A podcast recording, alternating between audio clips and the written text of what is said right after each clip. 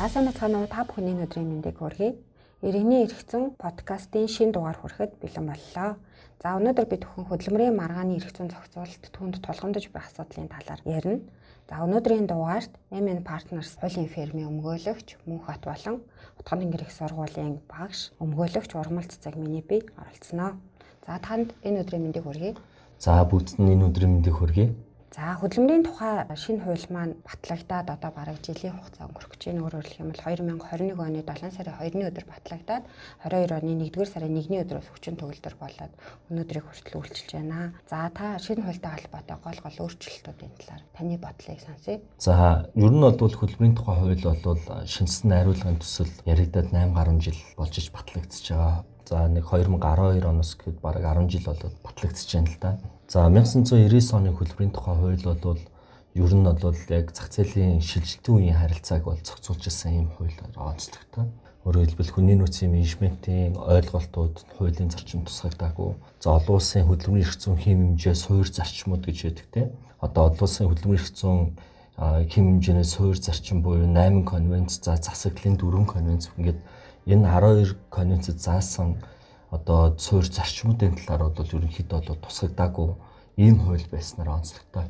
За жишээ нь практик дээр бол гарч ирсэн асуудлууд гэдэг энэ суур зарчимтай холбоотой. Олон улсын хөдөлмөрийн байгууллагын 1930 оны 29 дугаар конвенц гэж байдаг албатан хөдөлмөрийн тэ. За мөн 105 дугаар конвенц буюу албатан хөдөлмөрийг устгах тухай энэ 105 дугаар конвенц заасан барьцаалбар хэрэглэх барьцааг хэрэглэхийг бүх төрлөөр нь бол албатан хөдөлмөрт оруулж хориглож ирсэн тийм. Харамсалтай нь 1999 оны хөдөлмөрийн тухай хуульд бол энэ одоо асуудлыг энэ суур зарчмыг одоо тусгаж өгөөгүйгээс үүдэж практик дээр ямар асуудлууд гарч ирсэн бэ гэхээр хүний бичиг баримтыг нь барьцаалах. За одоо сүүлдээ бүр зар явсан штэ. Борлуулалтын ажилтан ажилд авна. За үйл хөдлөх хөрөнгийн барьцаатай байна гэдэг шүүхийн хэд хэдэн кейсүүд шийдвэрүүд мөн яг энэ барьцаа өрөнгөтэй холбоотой гарч ирэх ч гэдэг юм уу. За ажлын байрны бэлгийн дарамт гэдгийг бол хөдөлмөрийн тухай хуульд 90 онд бол тусгагдаагүй байсан. За ажлын байрны бэлгийн дарамт гэхэд зөвхөн 2012 онд батлагдсан гендер эрхтгч байдлын тухай хуульд тусагдсан байх ч за үүнээс үүдэж одоо юу гэдгийг бэлгийн дарамт гэж яг юу гүйцэх юм гэдэг агуулга бас тусгагдаагүй. За мөн олон улсын хөдөлмөрийн байгууллагын цалин хөлс одоо тэгш шан харамж олох те өөрөөр хэлбэл ижил үнэлэмжтэй ажил хөдөлмөр эрхэлж байгаа хүн ижилхэн цалин авна гэдэг энэ олон улсын суур хөдөлмөрийн эрхийн зарчим бол бас тусгагдаагүй байсан.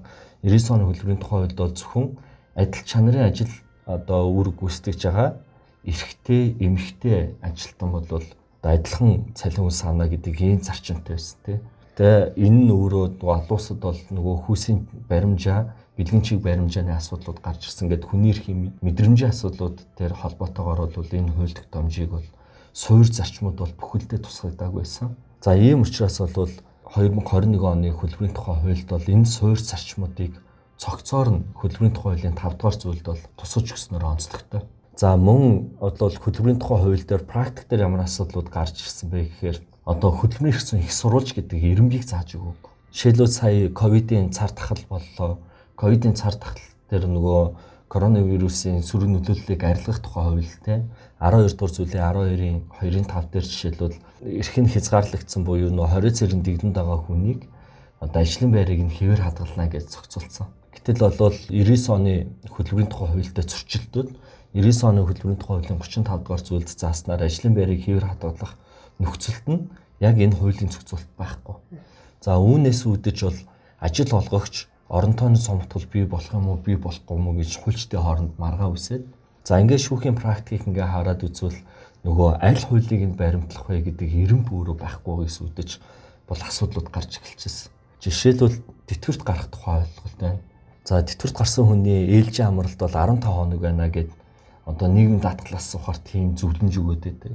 За ээлжийн амралт тооцох одоо сайдын тушаал байгаа шүү дээ. Эрүүл мэндийн хамгааллын сайдын 2000 оны ээлжийн амралт тооцох журам олох заавар дээр бол тэтгэврт гарч байгаа хүний ээлжийн амралт мөн адилхан зохицуултын хүрээнд тусгагдаагүй. Ээлжийн амралтыг биеэр идлээгүй мөнгөн урамшууллыг олгож олно гэдэг нь хуулийн дээр бол олгож олно гэж заасан мөртлөө сайдын тушаал дээр олгож болохгүй гэж заасан. Гэх мэтлэнгээр энэ хууль тогтоомжууд хоорондоо зөрчилснөөс үүдэж одоо хөдөлмөрлөх эрх зөрчигддөг байсан. За энэ асуудлыг бол энэ 2021 оны хөдөлмөрийн тухай хуульд бол цогцоор нь одоо цогцолж гисэн хөдөлмөрийн тухай хуулийн 2 дугаар зүйл дээр бол хууль тогтоомжийн эренбийг зааж өгөөд за энэ эренбийн хүрээндээ бол яг ямар хөө асуудлууд гарч ирсэн бэ гэхээр энэ хэм хэмжээнүүд хоорондоо зөрчилдөх юм бол ажилтнанд ашигтай байдлын зарчим буюу ажилтнанд аятай тухтай нөхцөлийг хэрэглэх зарчмын дагуу тэр хэм хэмжээг нь хэрэглэнэ гэж зөвцүүлснараа бас нэлээд онцлог шинжтэй хөдөлмөрийн зүйн харилцааны олон улсын гэрээ конвенцэд заасан суур зарчмуудыг нэлээд сайн тусгаж өгсөн болов уу гэж бодож байна. Чиний хувьд юу гэж бодож байна? Яг энэ чиглэлээр бас нэлээд олон жил багшилж байгаа хүний хувьд. За яалтчгүй таны хэлснээр болон одоо орчин үеийн нийгмийн асуудлаас харахад бол хөдөлмөрийн тухай хуулийг шинжлэх хэрэгцээ шаардлага бол мэдээж маш их байсан. За шинжилсэнтэй холбоотой нэлээд олон өөрчлөлтүүд бол орж ирсэн байгаа. За таны дурдсан зүйлүүд бол ялтчгүй нөгөө суур хэм хэмжээнүүд дээр бол өөрчлөлтүүд ороод ирсэн байгаа тийм. Миний хувьд болохоор хөдөлмөрийн гэрээтэй холбоотой зохицуулт нэр нэлээд их давуу байдлууд бол бий болж гарч ирсэн гэж бодож байгаа. За тэрний югаар илэрхийлэгдэж байгаа гэхээр ажил олгогч болон ажилтан хоёр хөдөлмөрийн гэрээгээ байгуулахдаа хугацаа гэдэг зүйлийг тодорхой тусгаж өгсөн байх шаардлагатай байдаг. А гэтэл хугацаан дээр хугацаатай гэрээ байгуулах юм уу? А эсвэл хугацаагүй хөдөлмөрийн гэрээ байгуулах уу гэдгийг ажилтан тустай ажил олгогч хоёр хоорондоо зөвшөөрлөж одоо зарим тохиолдолд боломжгүй байдал үүсдэг тий. За жишээлбэл контрактын гэрээ хуучин 90 оны хөдөлмөрийн хуулиар 5 хүртэлх жилийн хугацаатай байгуулна гэх мэтчлэн одоо зохицуулалт байсан бол шинэ хөдөлмөрийн хуулиар нэр томьёоны хувьд өөрчлөлт оруулаад онцгой нөхцөл бүхий хөдөлмөрийн гэрээ болгоод за удирдах албан тушаалтнуудтай гэрээ байгуулах гэж байгаа тохиолдолд онцгой нөхцөл бүхий гэрээ байгуулна гэд тодорхой тусгаад ороод ирчихсэн. За дээрэс нь хугацаатай хөдөлмөрийн гэрээний үндсэн 6 төрлийг бүр наривчлаад тусгаж оруулж ирсэн. За тэр хугацаатай хөдөлмөрийн гэрээ маань 2 жилийн хугацаанаас хэтэрсэн тохиолдолд автоматар хугацаагүй хөдөлмөрийн гэрээ рүү шилжнэ гэдэг зохицуултыг хийснээр бас давуу талтай болж байна гэж харж байгаа. За энэ гэрээнээс бусад төрлийн гэрээ бол ялтчгүй хугацаагүй хөдөлмөрийн гэрээ байна гэд тодорхой олгоод ороод ирсэн. Энэ тодорхой болсон нь ажилтны талд ч тэр ажил олгогчийн талд ч гэсэн хэрэглэхэд бас ойлгомжтой төхүү болсон баха гэж бодож байна. За мэдээж альва шинэ хуулийг шинэ хууль хэм хэмжээ боловсруулах харахад мэдээж давуу болон сул тал гэж байгаа тий. За та тэгвэл шинэ хөдөлмөрийн хуулийн дээр орж ирсэн сул талыг юу гэж харж байна? За ерөнхийдөө бол яг энэ хөдөлмөрийн хууль гэдэг бол 91 зуун дараа орох бол маш том эдийн засгийн агуулгатай хууль. Өөрөөр хэлбэл аливаа улс орныг эдийн засгийн хөгжлийг хангаж гинүү гэхэд эдийн засгийн эрхчлөөний индекс гэж байгаа тий эдийн засгийн эрхчлөө бол хэр хангагдсанаар нь бол тухайн улсын эдийн засгийн хөгжил хамаарч идэв. За харамсалтай нь бол яг энэ хуулийн төслийн одоо ажлын хэсэг дээр бол хангалттай хэмжээгээр одоо юу гэдгийг шинжлэх ухааны төлөөллүүдийг бол оруулж ирээгүй. За тухайлбал шинжлэх ухааны төлөөллүүдийг хангалттай сайн оруулж ирээгүй.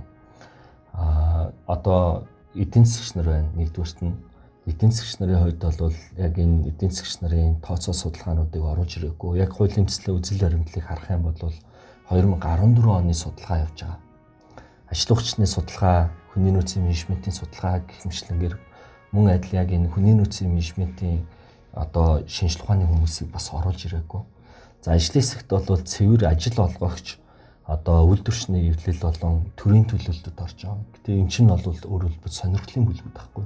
Шинжлэх ухааны бүлгүүд бол биш. Тэгээ ийм тооцоо судалгаагүй хийсэн учраас бол яг энэ хуулийн сул тадууд одоо эдийн засгийн харилцаан дээр бол нэлээдгүй гарч ирсэн. Одоо та бүхэн бол сайн санаж байгаа бол дөнгөж энэ хавар болоод энэ хууль хэрэгжиж эхлээл уул уурхайн салбарын одоо ажилтнуудын цалин ус 30%-аар буурсан.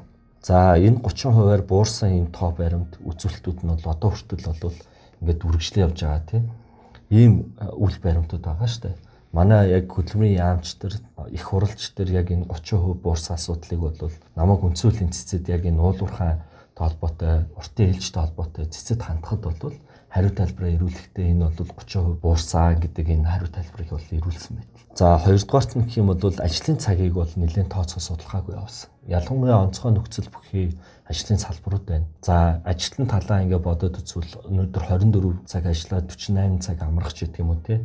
Энэ 24 48-ийн ээлжийн ажлын цагуудыг бол хүний өдөрт ажиллах хамгийн дээд цагийг бол 12 цаг болгосон. Гэтэл эмнэлэг, цагдаа, онцгой байдал гэх мэтлэнгийн онцгой нөхцөлтэй ийм салбаруудад бол энэ хүн дээр туссан. Яг тэгвэл Монгол улс өнөөдөр бол яг ажлах хүчний хувьд бол нэлээдгүй хомсдолтой. Хөдөлмөрийн зах зээлийн эрэлт нийлүүлэлтийн хувьд бол эрэлт өндөртэй, нийлүүлэлт хомсдолтой. Ийм нөхцөл байдал дээр бол яг ийм зохицуулт оруулж ирж байгаа нь өөрөө маш тутмаг болж ирж байна. За өнөөдөр гэхэд бол эрүүл мэндийн салбар байна, За яг энэ онцгой байдлын бусад энэ салбаруудад яг энэ хуулийг баримтлан явахаар нэг ээлж нэмэгдүүлнэ гэж. Тэгэл төрийн аль багчдын тоогоо нэмдэггүй тийм. Ийм нөхцөл байдлаас үүдэж нөгөө хөдөлмөрлөх эрх зөрчигдөх юм асуудлууд ялангуяа төрийн засгийн аль багч нар дээр бол маш том гарч эхэлж байгаа гэж хэлж болно. За нөгөө талаасаа бол бас яг энэ хуулийн нэг сул тал нь бол ажил олгогч нарын зардлыг маш ихээр нэмэгдүүлсэн. За тухайлбал илүү цагийн хөлс, шөнийн цагийн илүү цаг хэмжлэнгийн ойлголтууд дээр бол ажлын одоо зардлыг бол нэлээдгүй нэмэгдүүлснээр бол нөгөө илүү цагийг ажил олгож багасгах юм шаардлага гарсан. Гэтэл нийтдээ цалин үсний бүтцийг ингээд аваад үзэх юм бол тухайн ажилтны цалингийн нэг 80% нь үндсэн цалин 20% нь бол нэмэгдэл курс буюу нөгөө илүү цагийн хөлсөөр авч иж тэрэн дээр одоо ажиллаж ах жишээтэй тий. За ийм байдлаар ерөнхий агуулгын хүрээнд бол энэ хууль болвол яг эдийн засгийн гол агуулга буюу цалин хөлс ажил амралтын цаг гихмшлэнгийн энэ зохицуултууд бол нэлээдгүй бас хүн туссан. За хамгийн сүүлд бол хөдөлмөрийн маргааны зохицуултыг нэлээд ойлгомжгүй бөгөөд бас дээрэс нь нэлээд нөгөө ажилтан талдаа хүндрэл учруулах үйц зохицуулсан. За хуучин 1999 оны хөдөлмөрийн тухай хуулиар бол ерөнхийдөө бол хоёр шатлалтай байсан. За шүүгийн хариаллын маргаан бол 11 одоо маргааныг одоо шүүхэд хариалуулж исэн. За 1991 оны хөдөлмөрийн тухай хуульд бол 10 маргааныг хариалуулж исэн бол 2021 онд бол маргааны үе шатыг бол 5 болгож нэмэгдүүлсэн. За үндсэндээ 3 шатлалтай болгосон. За нөгөө талаас бол шүүхийн хариаллын маргааныг 7 болгож бол бууруулсан. За энэ нь бол нэлээдгүй одоо яаж юм гэхээр маргааны үе шатыг нэмэгдүүлснээрээ за хөдөлмөрийн маргаанцлах комисс за хөдөлмөрийн маргааныг зохицуулах гурван талт хороо за ингээд шүүхийн маргаан гэсэн гурван шаталтай. Гэтэл шүүгч өөрөө анхан шатны шүүх, давзаалтгчны шүүх ялангуяа хөдөлмөрийн маргаан бусад төрлийн маргаануудыг бодвол гурван шатаар явдаг штэ тий хөвчлэн болвол маргааны үе шаттаар бол заавал эцэст нь тулж явагддаг энүүгээр онцлогтой юм салбар байгаа. Тэгээ энэ үе шатыг нэмэгдүүлсэнд бас нэг юм ойлгомжгүй байдал үүсээд нөгөө маргааныг урдсан шийдвэрлүүлээ шүүхийн ачааллыг бууруулад нөгөө талаасаа иргэний нөгөө шүүхтэр ирж байгаа ч юм уу эсвэл маргааны үе шатыг нь бууруулна гэсэн чинь эсрэгээр нь зохицуулсан. Ингээд нэгсэнтөө яг энэ зохицуултуудаас харуул энэ зохицуулт нь өөрөө ажилтнтай ч ашиггүй, ажил олгогчдоо ч ашиггүй юм одоо болж хувирсан. Яг тэгвэл хөдөлмөрийн маргаан гэдэг чинь өөрөө нэг онцлог нь юу байдаг вэ гэхээр одоо бусад төрлийн маргаан, зээлийн маргаан байна. Шүүхэд хандсанараа зээлийн хүү алдан зогсож байгаа тийм. А гэтэл хөдөлмөрийн маргаан бол цаг хугацаа өнгөрөх тусамд ажил олгогчийн цалин өсөж идэг тийм. Ялагдах юм бол ажилтгүй байсан хугацааны цалин өсөж явж идэг. Нөгөө ажилтны талдаа мөн ажилтгүй байсан хугацаа гэдэг цаг хугацаагаа үрдэг цалин үүсгүүгээр ингээ явж идэг учраас бол аль аль талдаа хөдөлмөрийн маргаан өөрөө удаашрах нь ажилтан ажил олгогч талд бол аль аль нь ашиггүй байдаг. За ийм нөхцөл байдлаас үүдэж бол энэ зохицуултыг үе шатыг нэмэгдүүлснээр маргааны үргэлжилж байгаа хугацааг бол сонжруулсан гэж харж байгаа. За иймэрхүү болвол миний харж байгаа өнцгөр бол сул тал бол байгаа гэж үзэж байна. Тэгэхээр чиний хувьд бас одоо юу гэдэг яг энэ зохицуултын хүрээнд шинжилсэн найруулгын хүрээнд ямар сул талууд ажиглагдав. За таны саяны хэлсэнтэй бол миний хувьд бол маш их санал нийлж байна. А яагаад вэ гэхээр энэ тэнд бид бүхэн нөгөө нэг ажил олгогч нарт очиж сургалт хийдэг, ажилтнууд хүртэл сургалт авдаг. За сургалтын дээр яалтчгүй яригддаг асуудлын нэг бол энэ. Ээлжийн ажил эрхэлдэг ажил олгогч болон ажилтнууд ээлжийн ажиллаа хийх гэдэхээ нөгөө 24 48 гэдэг зохицуултыг нь байхгүй болгоод хамгийн дээдлээ 12 цагийн зохицуултыг гаргаад ирсэн. За 12-оор ээлжид ороод ажлын ихлээр хин нэгэн ажилтан нь өвдөх, хин нэгэн ажилтны хар гэрт нь ямар нэгэн зүйл тохиолдсон тохиолдолд тухайн ажилтан шууд өнөөдөр гарсан бол маргааш нь гарах ийм ээлж дараалт орчдог. Тэгээ энэ нь болохоор ялтчгүй ажилтан болоод ажил олгогч талтай аль аль талт нь яах нь хүндрэл бэрхшээлүүд гарч байгаа юм зохицуултууд байна. За бид нар бас өмгөөллийн чиглэлээр үйлчлэгээ явуулж байгаа өмгөөлөгч нар хөдөлмөрийн эрхийн маргаан дээр явхад яалтчгүй энэ асуудлууд тулгамдж гарч ирж байна. Энэ бол хөдөлмөрийн тухай шинэ хуулийн бол дутагдaltaй зүйл. Сул тал нь бол энэ дээр гарч ирж байгаа. Яагаад вэ гэхээр бид бүхэн урьдчилан шийдвэрлүүлэх ажиллагаа буюу хөдөлмөрийн эрхийн маргаан цэцэг комиссаар орох шаардлагатай болдог. За хөдөлмөрийн эрхийн маргаан цэцлэг комиссар нь орон ихэхлээр нөгөө ажил олгогч нар чинь хөдөлмөрийн эрхийн маргаан цэцлэг комиссар байгуулаагүй байждаг тий. За тэгэхээр за байгуулаагүй тохиолдолд дараач шатны байгууллага буюу сум дүүргийн хөдөлмөрийн эрхийн маргаан зохицуулах гурван талт хоророо ханддаг. За хоророо хандхлаар хоёр талыг хооронд нь харилцан ойлголцуулах зөвшөлдөх асуудлыг тухайн хороо шийдвэрлэх гээд байтал аль нэг тал нь маргаанд оролцохгүй юм зохицуултууд байна. За ингээд энэ хүү одоо асуудлыг шийдвэрлэхэд аль нэг тал нь оролцохгүй байгаа тохиолдол байгаа. За энэ оролцохгүй байгаатай холбоотойгоор гурван талт хорооноос энэ хүү асуудлыг шийдвэрлэх боломжгүй байна гэж шийдвэрлэж байгаа. За ингээд дараачийн шатны байгууллага буюу шүүх рүү хандхлаар шүүхээс тухайн хэргийг хянан шийдвэрлэх тухай буюу иргэний хэрэг үүсэх ёстой. Иргэний хэрэг үүсгэхээс татгалзна. За татгалзсан үндэслэл нь юу вэ гэхээр гурван талд хороо маань тухайн асуудлыг шийдвэрлэхдээ урьдчилан шийдвэрлэх урмаар хангалттай ажиллагаа хийгдэг байна гэдэг үндслээр иргэний хэрэг үүсгэхээс татгалзаж байгаа.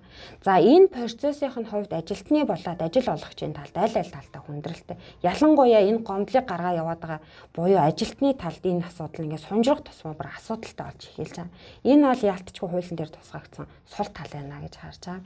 За тэгэхээр одоо хоёлаа хөдөлмөрийн эрхийн маргааныг зохицуулах үе шат буюу одоо хөдөлмөрийн эрхийн маргаанчлах комиссийг байгууллагууд яагаад байгуулж болохгүй байна те байгуулахгүй байгаа гол шалтгаан нь юу вэ? За дээрэс нь үүний дараа гурван талд хороор хэрхэн яаж шийдвэрлэж байгаа лээ энэ талаарх ч урмын талаар хоёлаа ярилцъя. Аа. За ер нь бол хөдөлмөрийн маргаан бол дөрвөн төрөлтэй байдаг. За 1999 оны хөдөлмөрийн тухай хуульд бол хөдөлмөрийн ганцаарчилсан маргаан хамтын маргаан гэж зохицуулжсэн тэгээ нэр томьёоны хувьд бол за шинэ хөдөлмөрийн тухай хуулиар бол хөдөлмөрийн эрхийн маргаан хөдөлмөрийн сонирхлын маргаан гэж зохицуулж гисэн. За хөдөлмөрийн эрхийн маргаан ч гэсэндээ ганцаарчсан болон амтын маргаан бас үүсч болно. За гол нь бол сонирхлын маргаан гэдэг дараа нь бол сонирхлын бүлгүүттэй холбоотой одоо үүсэж байгаа маргааны асуудлыг бол ярьж байна гэж ойлгож байна. Яг одоо хүмүүсийн сонирхож байгаа магадгүй одоо асуудал бол энэ хөдөлмөрийн эрхийн маргаан буюу цалин хүйс, ажил амралтын цаг, за нөгөө талаас ажлаас өнцгөө халагдах гих мэтлэнгийн энэ асуудлыг хэрхэн энэ маргааны зохицуултыг эрх зүйн зохицуултын хүрээнд хуульчлаа гэдэг сонирхож байгаа байх гэж бодож байна. За хөдөлмөрийн эрхийн маргааны хувьд гэх юм бол нэгдүгürt нь би түрүүн хэлсэн маргааны үе шатыг бол үндсэндээ гурван үе шаттай болгоцсон. Нэгдүгürt нь гэх юм бол хөдөлмөрийн маргаанчлах комиссар, хоёрдугаарт нь бол хөдөлмөрийн маргааныг зохицуулах гурван талд хороо, гуравдугаарт нь шүүх гэдэг энэ дараалалаар бий болгоцсон. Үүнтэй холбоотойгоор хөдөлмөрийн маргаанчлах комисс бол өмнө нь бол байсан тийм байгууллагуудад бол А гэхдээ байгууллагууд бол байгуулаагүйсэн. Яа тэгвэл байгууллагууд чинь бол үйлдвэрчний эвлэл гэдэг ойлголт бол бараг ховор байгаа. Дийлэнх хувийн аж ахуйн нэгж байгууллагууд дээр бол үйлдвэрчний эвлэл байхгүй байгаа. За нөгөө талаасаа бол юу гэдгийг ажил олох хамт олонны хурал хийгээд ажилтныхаа төлөөллийг гаргадаг ийм одоо соёл бол хөвшээгүй ийм нөхцөл байна л да. Ийм учраас бол дийлэнх байгууллагууд дээр хөдөлмөрийн маргаан таслах комисс бол байгуулагддаг байна. Бас компаниуд бол яаж ийн гэхээр байгууллагынхаа захиргааны удирдах ажилтнуудыг оруулаад байна. Жишээл би нэг сая нэг дүүргийн шүүхтэр нэг шүүх хуралд ороод яг энэтэй холбоотой маргаанд ороо явж хахад бол одоо захиргааны ерөнхий менежер ч гэдэг юм уу захиргаа хүний нөөцийн газрын дарагч гэдэг юм уу ингээд удирдах захиргааны ажилтнуудыг оруулаад хууль дээр бол энэ хөдөлмөрийн маргаан цэцэг комиссар бол захиргааны удирдах ажилтан буюу захиргааны ажилтныг бол оруулахгүй гэсэн юм заалттай. Хоёрдугаарт нь энэ талын мэдлэг мэдээлэл байхгүй байгаа учраас бол хөдөлмөрийн одоо маранцлах комиссийг бол байгуулж чадахгүй байна уу да гэж нөгөө талаас хараад байна л да. За чиний хувьд бас яг энэ хөдөлмөрийн маранцлах комисстэй холбоотой кейсүүд юу гарч байна? Ямар асуудлууд гарч эхэлж байна? За тэгэхээр хууль нь хөдөлмөрийн тухай хуулийн дээр заагдсанаар тий 20 ба түүнээс дээш ажилтнанд аж ахуйн нэгж байгууллага байх юм бол оронтооны бус байнгын ажиллагаатай комиссийг заавалчгүй байгуулна. А 20-оос доош ажилтнтай байгууллага бол оронтооны бус комиссийг байгуулан ажиллуулж болно гэдэг ийм зохицуулт байгаа юм.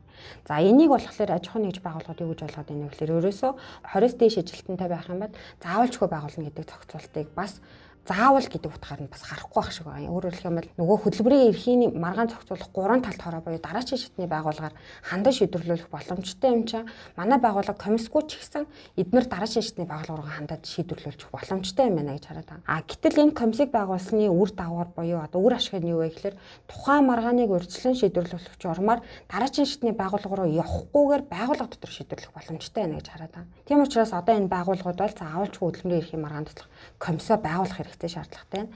За тэгээд түрүү яг нөгөө комиссийн гишүүнд цахиргааны ажилтнуудаа оруулаад байгаа тий.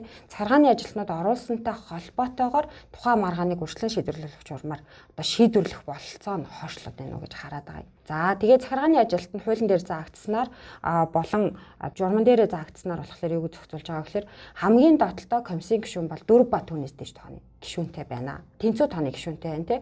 За тэгэнгүүтээ тухайн гишүүдийн тоог ажил олгогч тогтооно гэсэн маа. За ажилчид болохоор эвлэлтэн нэгдэх хэрэгтэй гэчээд энэ комиссаа байгуулъя гэд харахаар ялтчгүй ажил олгогчийн шийдвэрийг хүлээх ёстой болчиход байгаа. Дөрвөн гишүүнтэй байх юм уу, зургаан гишүүнтэй байх юм уу гэдгийг ингээ хүлээгээд байгаа тий. За энэ дээр бас мэдээж маш их хүчээр дутагдaltaй байна гэж харж байгаа. За та хөдөлмөрийн эрхийн маргаан зохицуулах гурван талт хороороо хандж үзсэн үү? Хорооны гишүүд дөрөм журам нь гарч уу? Хороо одоо нэг үйл ажиллагаанд жигдэрсэн байна уу? Хөдөлмөрийн сайдын одоо тушаалаар бол маргаан тасд гурван талт хорооны одоо дүрм болоод батлагдсан шүү дээ. Тэгэхээр 2 сарын 10-ны өдөр батлагдсан санагдаад байна. Тэгээ 22 оны 1 сарын 1-ний өдөр мөрдөж. Тэгээд 22 оны 1 сарын 1-ээс мөрдөгдөж эхэлж байгаа. За тэгээд яг одоо өнөөдөр хүртэл бол яг энэ комисс одоо гурван талт хороо одоо хөдөлмөр маргааныг зохицуулах гурван талт хороо бол бүрэлдэхүүн томилогдоогүй. За нөгөө талаас за зарим дүүрэгдүүд дээр бол томилогдоод үйл ажиллагаа явуулж байна. Жишээлбэл хаан уул дүүрэг болон Баян зүрх дүүрэг дээр бол үйл ажиллагаа явуулж байна яг өнөөдрийн байдлаар. А Чингэлтэй дүүрэг, Сүхбаатар дүүрэг дээр бол яг энэ одоо томилогдоог байна.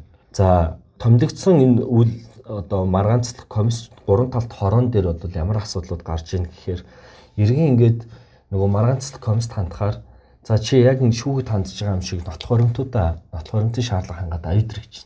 За ингээд аваад одоо нэхэмжил биш гомдол бичиж байгаа. Гомдол бичээд ингээд өгөөд оронгууд за хуралдаж байна.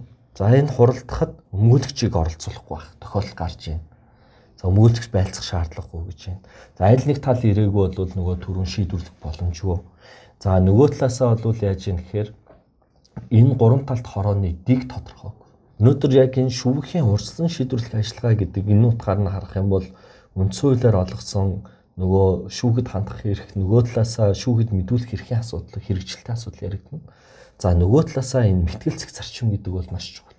Гэтэл энэ дэг өөрөө тодорхойгүй байхаар одоо яах юм ямар байдлаар мэтгэлцэх юм те а ингээ хороо ямар байдлаар шийдвэрлэх юм чинь өөрөө тодорхойгүй байна. Ийм учраас бол нөгөө яг энэ эрхэн зөрчигдсөн этгээдийн хүндэгдсэн эрхээ сэргэн эдлүүлэхэд нэг үе шат одоо юу гэдгийг нэг тийм энэ зайлшгүй шаардлагатай үе шат мөн үү биш үү гэдэг дээр анхаарал хандуулахгүй болохгүй. Ер нь бол олон улсын хөдөлмөрийн байгууллагын хөдөлмөрийн маргааны одоо удирдлагын тогтолцоо гэж нэг ойлголт байна. Төрөн хэлсэн энэ гурван үе шат гэдэг байгаа хөдөлмөрийн маргаан таслах комисс хөдөлмөрийн маргааныг зохицуулах гурван талт хорооч нь бол олон улсад яаж байгаа вэ гэхээр ерөнхийдөө бол эвлэрүүлэх зорилготой байдаг. Эвлэрхөө эвлэрэхгүй юу гэдэг энэ зорилгын хүрээнд энэ олон улсын хөдөлмөрийн байгууллагын тоохон Google-ээр харах юм бол одоо хөдөлмөрийн маргааны удирдлагын тогтолцоо гэдэг зөвлөмж байгаа. За энэ зөвлөмжийн хувьд аваад үзэх юм бол ер нь энэ маргалдагч талууд асуудал одоо эвлэрч чадахгүй одоо байгууллага дотроо маргаан цэцлэг комисс бол байгууллага дотроо асуудлыг шийдээд эвлэрэх тухай асуудал яригдж штэ. А энийг эвлэрч чадахгүй бол хүндлэнгийн буюу гуравдагчд гээд буюу төрийн оролцоотой төрийн дэмжлэг бүхий бүтцээр энэ эвлэрүүлэх ажиллагаа хий одоо хийгдхий зөвлөмж олгож байгаа. Гэтэл манай одоо яг хууль тогтоомжийн хүрээнд яатсан бэ гэхээр энэ асуудал дээр авчиад одоо шийдвэрлэнийгээ заасан. Шийдвэрлэн гэхээр шүүх шиг шийдэх гэдэг нь шүү дээ. Таныг ажилтанд буцааж ав гэдгийг шийднэ. Нэг нэг бол одоо нэхэмжлийг одоо хангана, нэг бол нэхэмжлийг хэрэгсэхгүй болголоо гэдэг байдлаар шийдэх гэхээр энэ маргаан талд гурван талд хороонд орж байгаа хүмүүсийг авчлаа хуульч мэрэгчлэхгүй. За мэрэгсэн байх. Олон улсын хөдөлмөрийн маргааны удирдлагын тогтолцоон дээр бол энэ гурван талд хорооч өөрөө нэгдүгürt нь мэрэгсэн хүмүүсийг томилох хэвээр. Ил тод байх хэвээр нээлттэй. За нөгөө талаасаа энэ удирдлагын тогтолцооны хувьд бол үр дүнтэй байх хэвээр гэдэг. Гэт ингээд нэлээд олон юм одоо энэ үр дүнгийн хэмждэг механизмуудыг чеклистийн аргаар ингээд ингээд явж үздэг л дээ.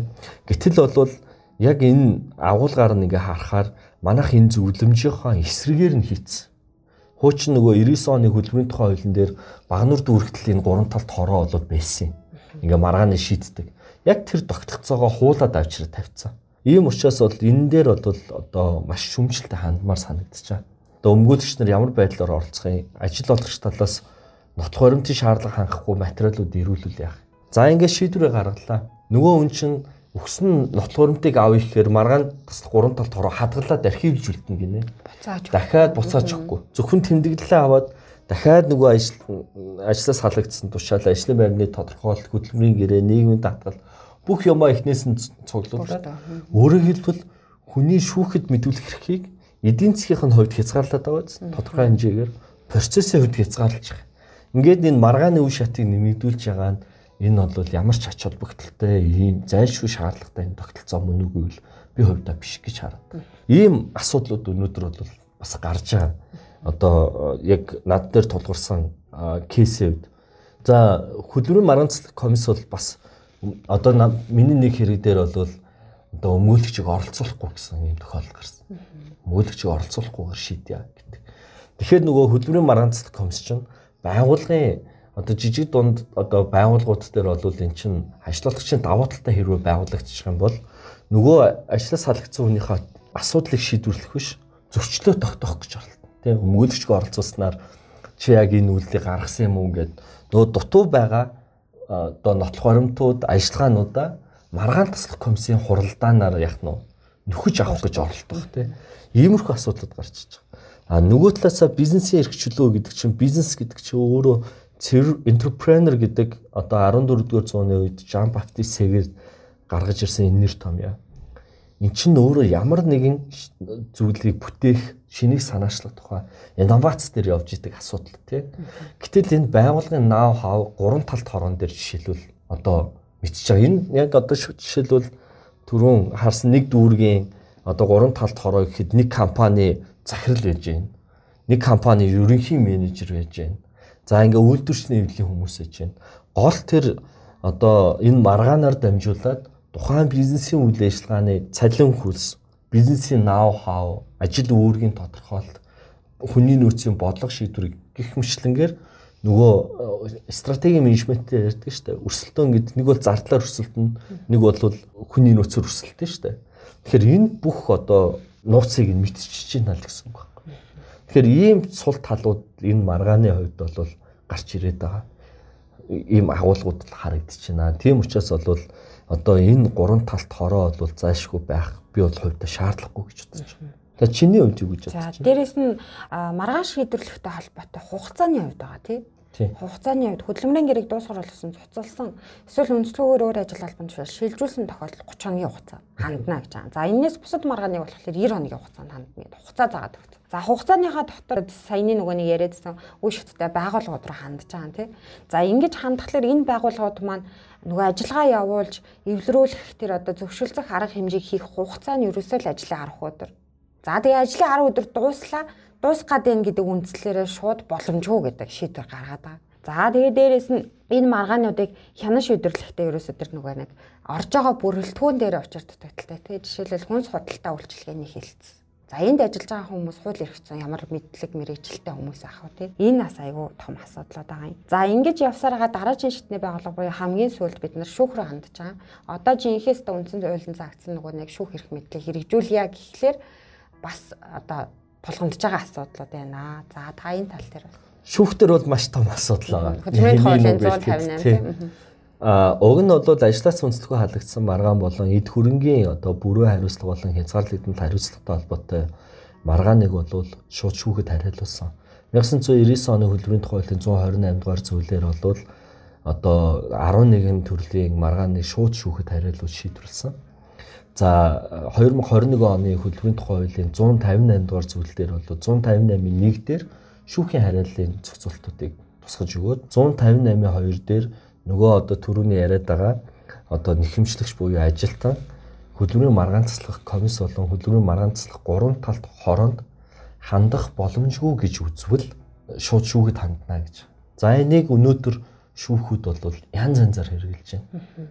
За Скватер дүүргийн иргэний иргэн анхан шатны шүүхтэр бол яаж юм гэхээр энэ бол нэхэмжлэгчийн субъектив үнэлэмж буюу хандах боломжтой мó хандах боломжгүй мó гэдгийг бол субъектив үндэмжээр тодорхойлоод шууд шүүхийн хариаллын маргаан гэж заасан учраас энэ бол одоо заавал нөгөө урдсан шийдвэрлэх ажиллагаа явагдсан байхыг шаардахгүйгээр шийдэж байгаа ч А гэтэл хаавал дүүрэг чингэлтэй дүүргийн иргэний иргэн шүүхүүд бол яаж юм гэхээр иргэний иргэн шүүх тань шийдвэрлэх хуулийн 65 дугаар зүйлийн 65 1-ийн 3 дахь хэсэг зааснаар урдсан шийдвэрлэх ажиллагаа явагдааг байна гэж үзээд нэхэмжлийг хүлээж авах бас байгаа.